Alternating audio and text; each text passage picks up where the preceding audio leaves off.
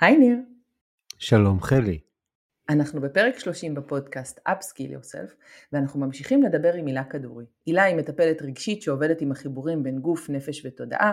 היא מלווה אנשים שעוברים זמנים מאתגרים ומשברים בחייהם ומבקשים להכיר ולהבין את עצמם טוב יותר. יש לה קליניקה פרטית ברעננה וכמו שאמרתי בפרק הקודם היא מהממת. בפרק הזה אנחנו הולכים לדבר איתה מה קורה כשאנחנו מאפשרים לעצמנו להרגיש, איך זה עוזר לנו לקבל החלטות ולנהל טוב יותר, למה אנחנו מרגישים כל הזמן צורך לתקן ולעזור לאנשים שחווים רגשות מאתגרים, ונקבל גם טיפים איך להתמודד טוב יותר עם הרגשות שלנו. יאללה, התחלנו.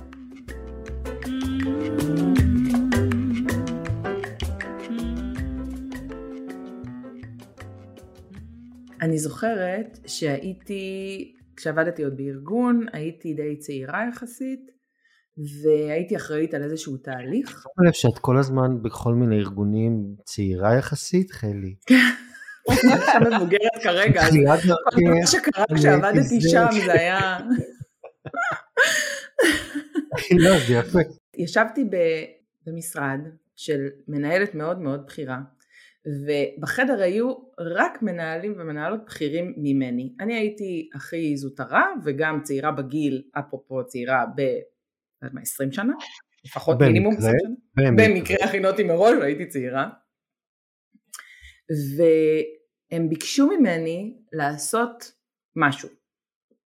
בסדר? שהיה אמור להשפיע על הרבה דברים בארגון. ואני זוכרת שהם כאילו היו מאוד סגורים על עצמם, זה היה מאוד כזה רק לוודא כזה משהו, וכאילו די להסביר לי מה הם רוצים שאני אעשה, ושכל אחד ייתן את הזווית שלו של מה הם רוצים שיקרה בסוף. אבל בגדול אני הייתי אמורה להיות המוציאה לפועל, בגדול. ואני זוכרת שאני יושבת שם בפגישה, ולאט לאט אני מרגישה שכל האוויר יוצא מהחדר, ואני מרגישה פתאום כזה קלסטרופובי כזה, ולחץ, ואני לא מבינה למה, כי כאילו בסדר, מנהלים בכירים מבקשים ממני לעשות משהו, אני אמורה לעשות את זה, כאילו מה הבעיה? אבל, אבל משהו כזה, פתאום קלטתי שמרגיש לי לא נכון, ואני זוכרת שתוך כדי הפגישה נשמתי רגע, וכאילו אמרתי אוקיי, מה קורה לי? מה בעצם הדבר הזה? ואז באיזשהו שלב הבנתי שהם מבקשים ממני משהו שהולכות להיות לו השלכות מאוד מאוד בעייתיות מבחינת התרבות הארגונית שלנו. וזה הולך להשפיע בצורה לא חיובית. ועכשיו אני כאילו שם, כולם בכירים מאוד ממני, ואני עוד באמת בתחילת דרכי. ואמרתי טוב אני, אני, אני, אין בעיה אם אתם רוצים שאני אעשה את זה אני אעשה את זה אבל קחו בחשבון א', ב', ג', ד', מה שאתם בעצם מבקשים ממני, אלה ואלה ואלה יכולות להיות ההשלכות. האם אתם מודעים להשלכות האלה, רוצים אותם, מעוניינים בהם, אה, זה נלקח בחשבון, ואז התחילו כזה אה, ב', ציגה למה, לא בטוח, ובסופו של דבר הנושא הזה ירד מהשולחן. אבל הוא ירד מהשולחן רק בגלל שאפשרתי לעצמי להרגיש את הדבר הזה שקרה, לתת לזה שנייה את המקום של זה באותו הרגע ולאגור הרבה מאוד אומץ מבחינתי להגיד את אשר על ליבי. כי הם, המבט המופתע של כולם בחדר שאני אומרת בכלל את הדבר הזה היה כאילו overwhelming עבורי זה לימד אותי המון לעתיד ועשה לי מאוד מאוד טוב ברמה האישית שהצלחתי להתמודד עם בכזאת סיטואציה אבל זה היה כאילו איזה, איזה רגע מכונן כזה בשבילי, של לנס, ללמוד להישאר אותנטית אה, לעצמי ולמה שקורה כרגע בחדר ולהשתמש בו בעצם. זו דוגמה ממש יפה. יש פה כמה דברים ממש יפים בעיניי. קודם כל, את אומרת אפשר בזמן אמת. Mm-hmm. אני לא, צריך, לא צריכה בהכרח בטיפול, אני לא צריכה לסגור את דלת המשרד ולהיות לבד עכשיו חצי שעה כדי להכיל ולהקל, לא שזה, זה הכל דברים טובים וחשובים לעשות, אבל אפשר בזמן אמת והמטרה היא גם שנוכל בזמן אמת. הרג... והרגשת ממש בגוף שקורה משהו, קורה משהו חזק. והחלטת לא להתגבר על זה ולעשות את מה שתוכנן, אלא להקשיב לזה. להקשיב לזה ורגע להיות עם זה, והנה זו, תחושה, זו לא תחושה נוחה, היא לא תחושה נעימה, mm-hmm. אבל היא כל כך חשובה, כי, כי אם לא היית אה, קשובה אליה, אז כן, אז היית סוטה מהשביל.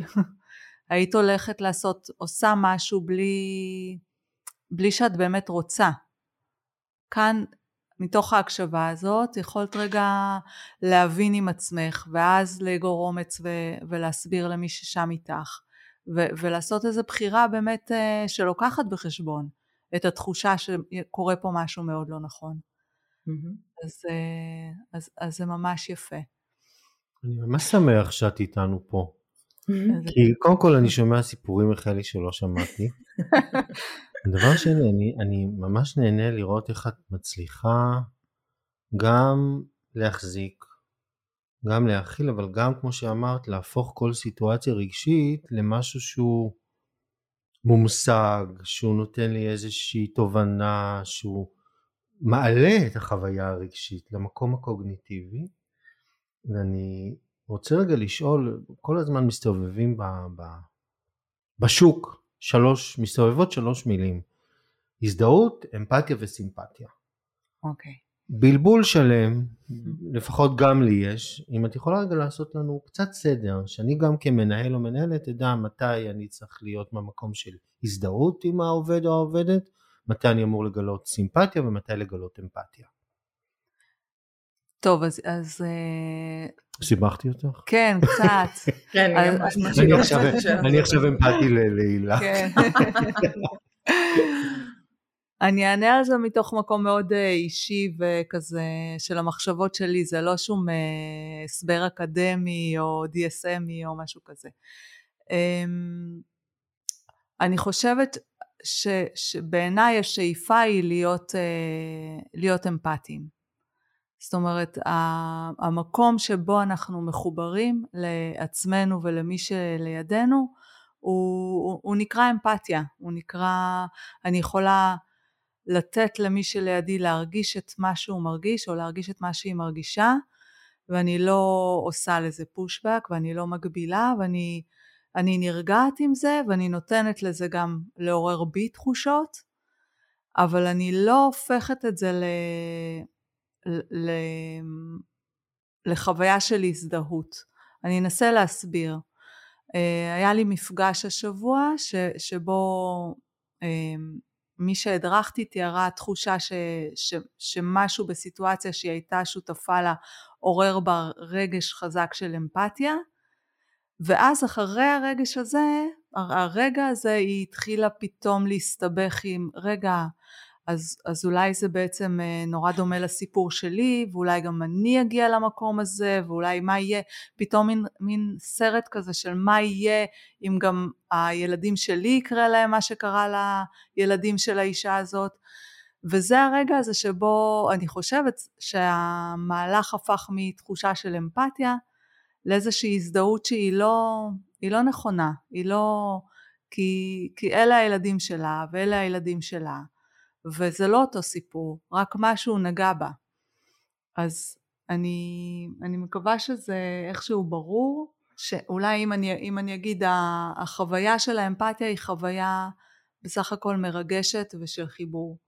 וההזדהות היא יותר כמו הסרטים שיש לנו בראש והפרשנויות שלנו והרגעים האלה שאנחנו נסחפים לתוך איזה מקום אה, עתידי שהוא לא נעים בדרך כלל והוא לא, לא קשור לכאן ולעכשיו. אז אני, אני אנסה רגע לתת עוד דוגמה שתגידי לי אם, אם אני מדייק אה, בתחילת השבוע איזשהו מנהל באיזושהי סדנה פנה אליי ושיתף אותי האמת שהוא שיתף במליאה אבל אחר כך ביקשתי ממנו שיגש אליי שהוא כבר הרבה שנים בארגון ואת יודעת בסוף שנה יש תהליכי קידום בארגון ובחרו השנה לא לקדם אותו אלא לשים אותו באיזשהו תפקיד אה, מין ביניים כזה, כי לא ראו לנכון לקדם אותו אחרי שכל כך הרבה שנים הוא בארגון. ואני באותו רגע ממש עלה בי כעס. Mm-hmm. כי זה עוול, כי הוא ממש השקיע, וזה ארגון מאוד uh, הייטקי, uh, תחרותי, אמביציוזי, ובאמת משהו השתנה בשוק, ולא צריך אותו עכשיו.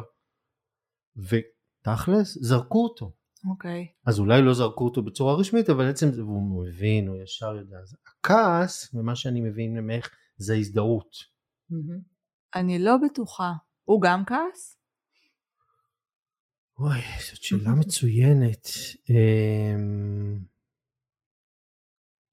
אני חושב שהוא יצר ניתוק.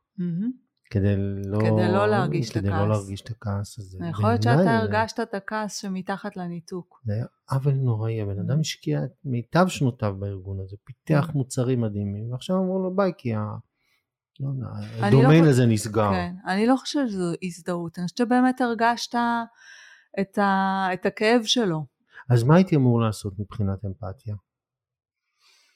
אמ, אני חושבת פשוט להיות שם איתו, להקשיב. להיות- ל- אני חושבת שמה שאנשים הרבה פעמים זקוקים, זה לא שנמצא להם פתרונות, ולא שנגיד להם יהיה בסדר, ולא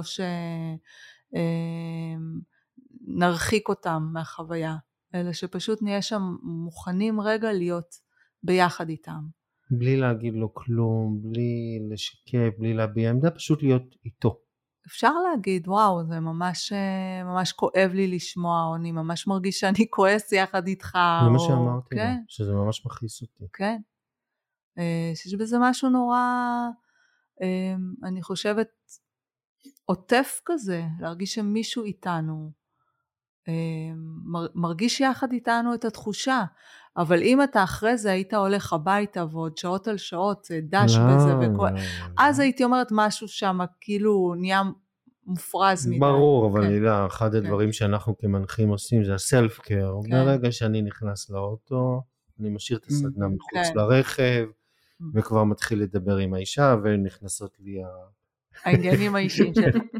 אני אמשיך לת- לחרוג ממנהגנו ואני אקריא רגע איזה קטע קצר של סמדר ויינשטוק, בסדר? שהוא מתחבר מאוד למה שאמרת עכשיו. יא, מעניין אם זה זה שחשבתי עליו. ברור שזה זה? שחשבת עליו, כן? יא. יא. אם תפגוש אדם שבור, שב איתו, על סף השבר הארור. אל תנסה לתקן, אל תרצה שום דבר. ביראה ובאהבת הזולת, שב איתו, שלא יהיה שם לבד. אני חושבת שזה המהות. לא, רגע, רגע, אני חייב להבין, איך תסבירי מה שקרה פה עכשיו? כשאת אמרת את מה שאמרת, אני בדיוק אמרתי איך אני מוצא את השיר הזה, אה, ואת הבאת אותו. לא, אני רוצה להבין, זה סימפתיה, אמפתיה או הזדהות? מה זה היה פה עכשיו? זה תקשור, זה חיבור. אבל היא בקליפורניה. איזה... אוכל. אבל אני. כן. אגיד משהו על זה, אני אגיד על זה משהו. אני חושבת, אני היום מספרת לך, נירגו, אני משתפת פה הרבה דברים, אז זה, זה באמת אה, יוצא פרק כזה משתף.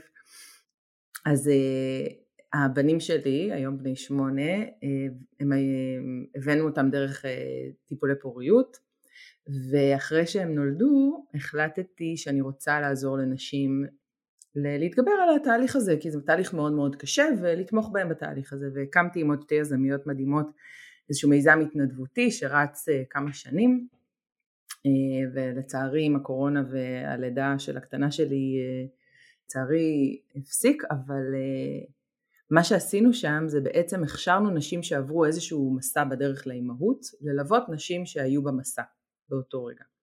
והדבר המרכזי שדיברנו עליו בכל ההכשרה הזאת שעשינו, זה איך להקשיב באמת ולהיות שם ולהיות אמפתיות רגע, בלי לנסות לתקן, בלי לתת עצות, בלי לתת את נקודת המבט שלי, רק רגע להקשיב, כי זה מצרך כל כך נדיר היום, זה כל כך לא קורה, וכולם, שוב, דיברנו על זה קודם, ברגע שחווים, שמישהו חווה קושי או אתגר או רגש שלילי, ישר רוצים להגיד, את יכולה לעשות את זה ואת יכולה לעשות את זה ותעשי ככה, ות... לא, אני לא צריכה לעשות כלום, אני צריכה שמישהו יהיה איתי רגע, ברגע הזה שקשה לי, ידבר איתי, יסתכל לי בעיניים או יהיה איתי בטלפון, ורגע ישהה איתי ויבין את הדבר הזה, שיהיה, שתהיה עדות לקושי הזה שאני חיה איתו, ואיזושהי הבנה שזה קשה, ושזה לגיטימי הקושי הזה, ושזה באמת מבאס להיות במצב הזה, וזהו. זה כל מה שאני צריכה. אני זוכרת גם בשיחות שלנו, הילה, הייתי מספרת להילה כל מיני דברים, ונכנסת לרצף כזה של לדבר, לדבר, לדבר, ואז הייתי אומרת לי, תעצרי רגע, מה את מרגישה עכשיו? והייתי צריכה רגע לעצור, ולהתחבר שנייה, ואז, ואז בדיוק הגיעו הרגעים האלה של התובנות, שהגעתי אליהם לבד, לא הייתי צריכה כלום, באמת, רק שמישהו או מישהי תשב שם, תקשיב, ותעזור לי רגע להרגיש את הדבר הזה שאני מרגישה. That's all. חלי, אני רוצה להקדיש לך. שלי ברק. לא, זה היום, היום זה... היום אנחנו יום מיוחד, יואו, הילה, את מוציאה מאיתנו דברים חבל. כן. אז כן, נכון, זה הנוכחות שלה, חד משמעית. ממש. השיר הוא של עידית ברק והוא בול ארבע שורות. יש זמן שהכאב רוצה, יש להקשיב לו. אי אפשר לומר לגשם, אל תהיה גשם. בול. נכון. זה, זה מין מוטו כזה שאני חושב שממש אפשר לאמץ אותו. ממש. אני חושבת על, על מה שתיארת עכשיו חלי, על, על מנהל שרגע מסכים להיות עם עובד שלו ופשוט רגע פשוט להיות איתו עם ה... צריך ניקח נגיד תסכול, עם התסכול שלו ולהקשיב אה, ולא לתת עצות ו- ולא, ולא להדוף את זה ולתת לזה מקום ואיך זה באמת מה שמאפשר לאנשים להגיע לתובנות שלהם ולחוכמה שלהם וליכולת שלהם לפתור ולפעמים אתה, אתה כן רוצה עצה אבל, אבל אז אתה מבקש אותה. Mm-hmm. אני רואה את זה הרבה פעמים עם הבת הקטנה שלי, אנחנו, יש לה זמן כזה שהיא, אה, יש זמנים כאלה שבהם היא מעלה את כל מה שהיה לה קשה היום. ו, ושם הרבה פעמים אני רגע באמת נרגעת וזוכרת שאני לא צריכה לפתור לה את זה.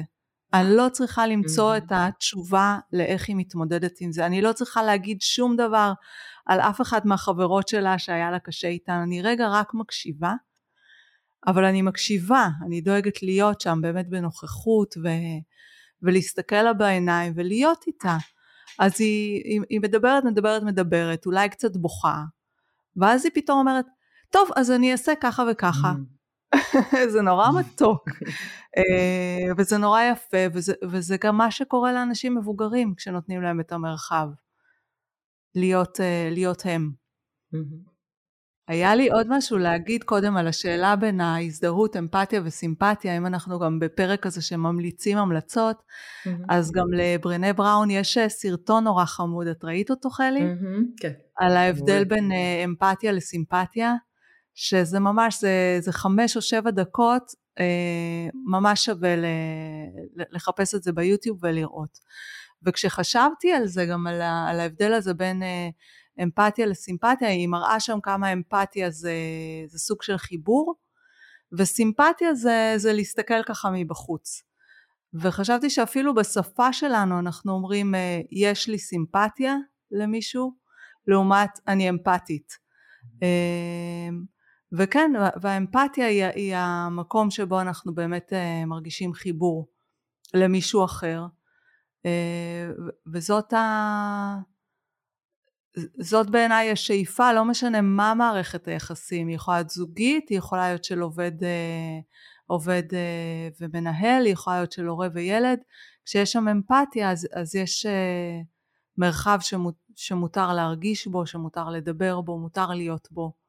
ואז אנחנו, זה כמו צמח ש, ש, שיש לו אדמה טובה לגדול בו, בעיניי.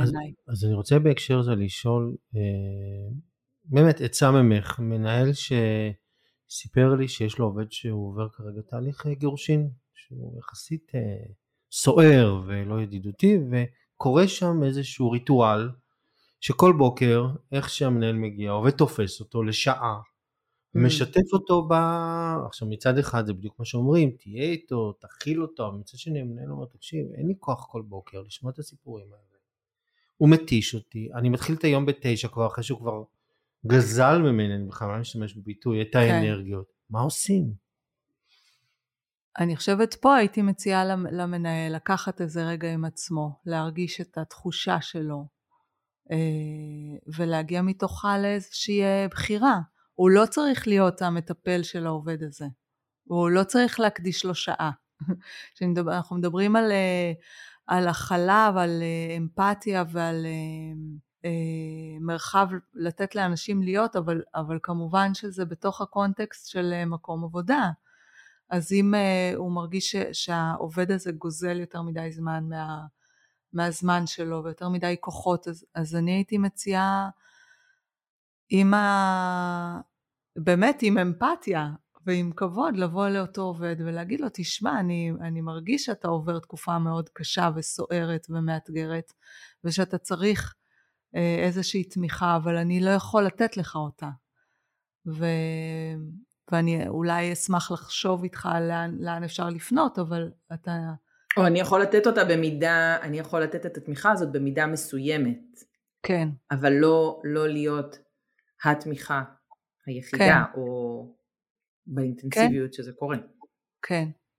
כן, אם אנחנו מסתכלים על, על הרגש של אותו מנהל דווקא, של ה...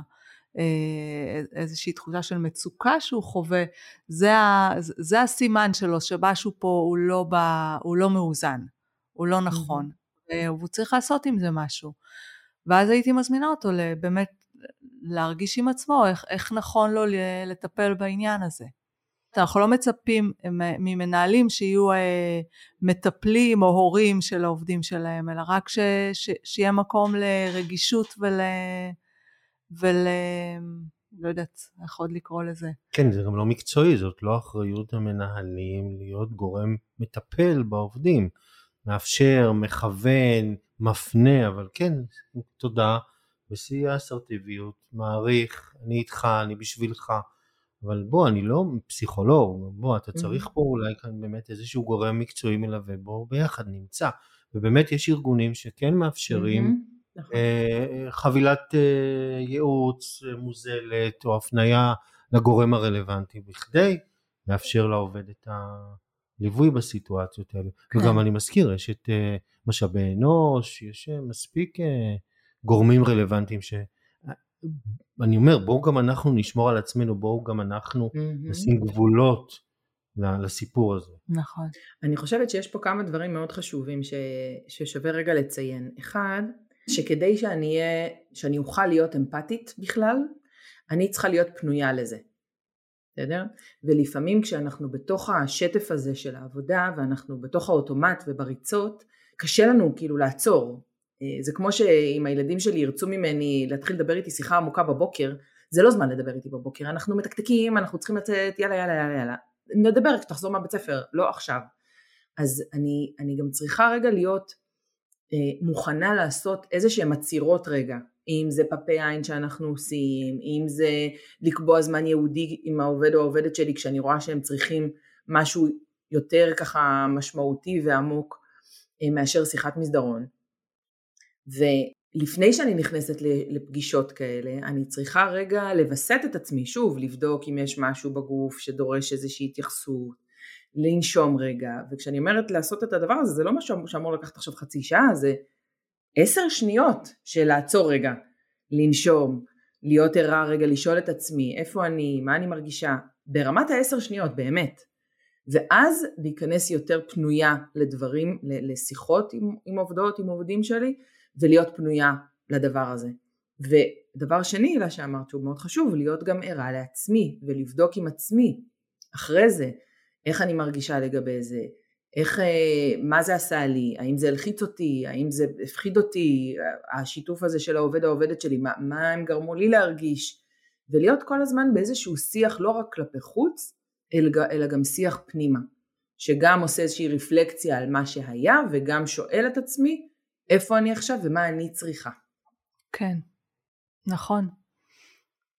אני, אני, זה חשוב ש, שציינת שזה לא תהליך, העצירות האלה הם, אה, הם לא תהליכים שצריכים לקחת המון זמן. אה, לפעמים אנחנו צריכים יותר זמן, לפעמים אנחנו צריכים אפילו פגישה עם מישהו בשביל לעכל משהו שקרה, או להתכונן למשהו שיקרה, או להתמודד עם משהו שקורה בחיים, אבל בשטף החיים, הרבה פעמים זה, זה רגע את יודעת, אה, חניתי את האוטו, שנייה לפני שאני נכנסת למשרד, שנייה רגע, לנשום, לראות לקראת מה אני הולכת ואיך אני רוצה לבוא, אה, עם איזה אנרגיה אני רוצה להגיע ומה אני צריכה כדי, אה, כדי, כדי להגיע פנויה. מרק ברקט, הוא מציע חמישה שלבים לניהול רגשות, בסדר? הוא מדבר על זה שהרגשות משפיעים על היכולת שלנו ללמוד, לקבל החלטות, על מערכות היחסים ועל הבריאות שלנו, והוא בעצם אה, מציע ארבעה שלבים. הוא אמר השלב הראשון שלנו זה to recognize, קודם כל לזהות בכלל שיש איזשהו משהו, רגש בגוף, או לזהות בכלל שיש איזשהו רגש שאני צריכה להתייחס אליו. השלב השני זה understand, להבין רגע מה זה. בסדר? זיהיתי שקרה משהו, אני מנסה להבין, זה, אה, זה, זה, לא יודעת מה, מה, מה אני בעצם מרגישה פה, ואז לשים על זה איזשהו labeling, לשים על זה איזשהו שם. אה, אני מרגישה עכשיו כעס, עכשיו אני מאוכזבת, עכשיו אני מקנאה, בסדר?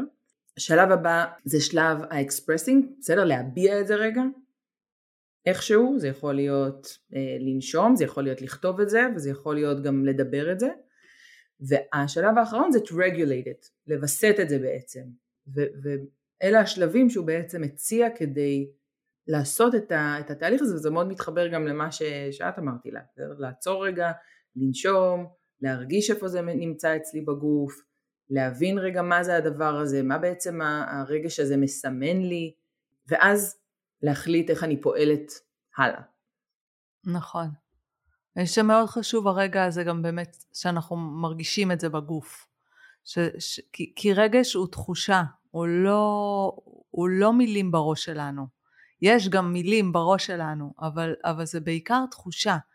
שכשאנחנו ערים לה ורגע באים איתה במגע, אז הרבה פעמים זה בעיקר מה שהרגש הזה מבקש מאיתנו. Mm-hmm. את ה...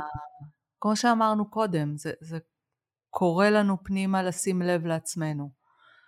וגם אה, יכול להיות פער בין מה שאני מבינה בראש לבין התחושות והרגשות שלי. יכול להיות שאני מבינה שהפרויקט לא הזה זה לא big deal ואני מסוגלת להתמודד איתו וזה בקטנה, אבל אני מרגישה, הרגש שלי הוא אחר, ויש פער בין מה שאני מבינה כן. ויודעת לבין מה שאני מרגישה. טוב, פה, פה את אה, נוגעת במשהו שהוא גם חשוב אולי לדבר עליו, שהרבה פעמים הרגש או התחושה או העוצמה שלה היא לא, כביכול לא פרופורציונלית למה שקורה. היא לא בהתאמה למה שקורה בחיים. אה, ואז הרבה פעמים זה סימן שיש שם איזשהו מטען מהעבר שלנו, מחוויות דומות שחווינו, מזמנים שהרגשנו ככה ש... שעוד לא לגמרי איבדנו, באיזשהו אופן המטען הזה עוד חי ומבעבע, וכשהוא ננגע אז הוא נהיה כזה סוער. Mm-hmm. וזה גם הזמנה לשים לב, אם, אם אה, סתם לצורך העניין, כשהמנהל שלי אומר משהו אה, ביקורתי על התפקוד שלי, וזה מביא אותי לחוויה רגשית מאוד מאוד חזקה וסוערת, שהיא הרבה מעבר לביקורת שהוא אמר לי, זאת אומרת הוא, הוא ביקש משהו ואני חווה את זה מאוד מאוד חזק. אז סימן שיש לי אולי שם איזה אישו עם ביקורת, mm-hmm. אולי מגיע מ- מחוויית ילדות או מאיזושהי תקופה שהייתי בה ו- ו- והרגשתי שמבקרים אותי ולא היה לי שם אמ, כלים טובים להתמודד עם זה, מישהו שם להיות איתו עם זה, ואז כדאי, כדאי כן למצוא דרך לטפל בזה. כדי שהתגובה היא לא תהיה באמת אה, חזקה ו... ועודפת. אני חושבת שגם, אה, מעניין מה שאמרת, שאני חושבת שהרבה פעמים כשמדברים עם אנשים על, על להתמודד רגשית או להתייחס רגשית למה שעובר עליהם, הם ישר אומרים לא, אני לא רוצה ללכת לטיפול פסיכולוגי. אז mm. זה ה, לטפל בעצמי וברגשות שלי לא בהכרח חייב להיות טיפול פסיכולוגי, לדבר על מה שקרה כשהייתי בת שש או בת שנתיים. זה, זה בעצם להיות במודעות למה שקורה איתי ומה אני מרגישה ו- ולתת לזה את המענה. אני אתן רגע דוגמה. אני לאחרונה אה, קראתי לזה שעברתי אה, התקף impostor syndrome, בסדר? כאילו ממש זה, זה תסמונת המתחזה שהרגשתי שאני לא מספיק או whatever וידעתי רציונלית שזה, שזה impostor syndrome, ידעתי לקרוא למה שאני מרגישה עכשיו impostor syndrome אבל התחושה עצמה היא לא, היא לא עזבה אותי. הרגשתי תוך כדי, ברגשות שלי, בגוף שלי, שזה לא מספיק. והדבר שעזר לי זה שהלכתי לרקוד. הלכתי לרקוד, זה יצא מהגוף, ואז זה השתחרר, ואז הייתה יותר התאמה בין הרגש לרציונל. ואני מקדיש לך עוד שיר קטן. וזה נראה לי שזה יהיה לנו שיר לסיום או שיש לנו עוד משהו? לא יודע בואי אני קודם כל מקדיש לך אחר כך אחרית מה עושים איתו. סבבה. מדהימה היום. לשיר קוראים ענף גם של עידית ברק והשיר הולך ככה הוא קצר. לא לטבוע, להיאחז בענף הקרוב, לא להיסחף בנהר, לבחור היטב שיהיה בהישג יד. שיחזיק את משקל הנפש לאורך זמן, ובשוך הסערה לגלות שאת גזע. יקירתי, קודם כל, שיהיה לך ברור שאת גזע. יואו, נרגו, אתה מרגש אותי. את שום מתחזה, שום דבר, את מדהימה. תודה, נשמה שלי. את באמת מדהימה. אני אוהבת אותך מאוד, נרגו. הדדי. מה, הילה תנתחי אותנו עכשיו. רגע רומנטי. לא, אמרת לפני, לפני השיר, דיברת באמת שיש כל מיני דרכים לתת לעצמנו להשתחרר ממטען רגשי או להבין מה קורה איתנו ולעבוד עם זה, באמת טיפול פסיכולוגי זה דבר אה, אה, יפה ומצוין. מבורך ונהדר, אך לא מתאים לכולם. לא מתאים לכולם ולא מתאים תמיד. Mm-hmm. אליי הרבה פעמים מגיעים אנשים שאומרים, אה, הייתי בטיפול פסיכולוגי, עכשיו אני מרגיש, מרגישה שאני צריכה משהו שגם עובד עם הגוף. Mm-hmm. ש- שאני אני כבר דיברתי על הדברים, אני, אני מרגישה שאני צריכה משהו ש, שעוקף קצת את המילים, שמגיע mm-hmm. לאיזשהו רובד שהוא לא... שהוא לא במודע שלי, שהוא לא במקום שקל לי לדבר עליו. ואז אז יש את כל האפשרויות של טיפולי גוף נפש למיניהם, ויש אה, את כל הריקוד אה, ויוגה ו, ו, ופשוט צעידה בבוקר אה, וכל מיני דרכים לאנשים באמת להיות בקשר עם עצמם ועם התחושות והרגשות שלהם ולעשות עם זה עבודה. אפילו, אפילו אם אני אה, הולך ל...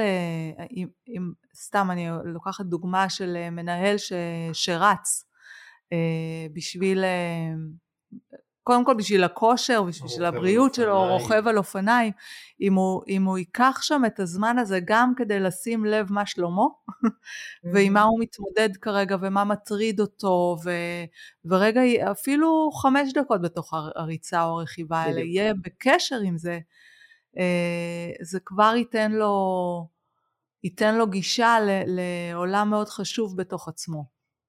כי אנחנו בעצם לא משתעממים מספיק היום, אנחנו כל הזמן או בטלפון או עם איזה פודקאסט או עם מוזיקה או עם איזשהו גירוי חיצוני שמפעיל נכון. אותנו ואז עד שאנחנו נגמרים והולכים לישון ואנחנו נכון. צריכים נכון. רגע את, ה, את השקט הזה מגירויים חיצוניים כדי להסתכל פנימה, זה לא יכול לעבוד תוך כדי שאנחנו עושים דברים אחרים, אפילו תוך כדי נהיגה, אנחנו צריכים לעצור רגע ברמזור, בסדר? כאילו ברמה הזאת, שלא יהיה עוד משהו שמפעיל אותנו. אני ממש ממליצה על זה, שיהיו זמנים של שקט. אם זה בנהיגה, אם זה בהליכה, אם זה רגע של, אה, של לשמוע את עצמנו, אפילו אם מה שאנחנו שומעים בהתחלה הוא לא כל כך אה, מלבב ולא כל כך מעניין, אבל זה צריך אה, מקום להתאוורר בו. וגם אחרי ש, שהסוג של הרעש הזה משתחרר, אז, אז הרבה פעמים יש לנו גישה ל, לרעיונות ולמחשבות שלא היינו יכולים לחשוב אותם אם היינו שומעים בזמן הזה פודקאסט או, או אפילו מוזיקה. ככה לסיכום, בפרק השני המרתק אף הוא, דיברנו קודם כל כיצד הרגשות אה, משפיעים עלינו כמנהלים, מערכת היחסים שלנו עם העובדים, על קבלת ההחלטות שלנו, וגם נתת לנו טיפים נפלאים בכדי להכיל יותר טוב את הרגשות ולשהות בהם. הילה, ממש תודה רבה. תודה לכם, ממש נהניתי. היה ממש מרגש, תודה הילה.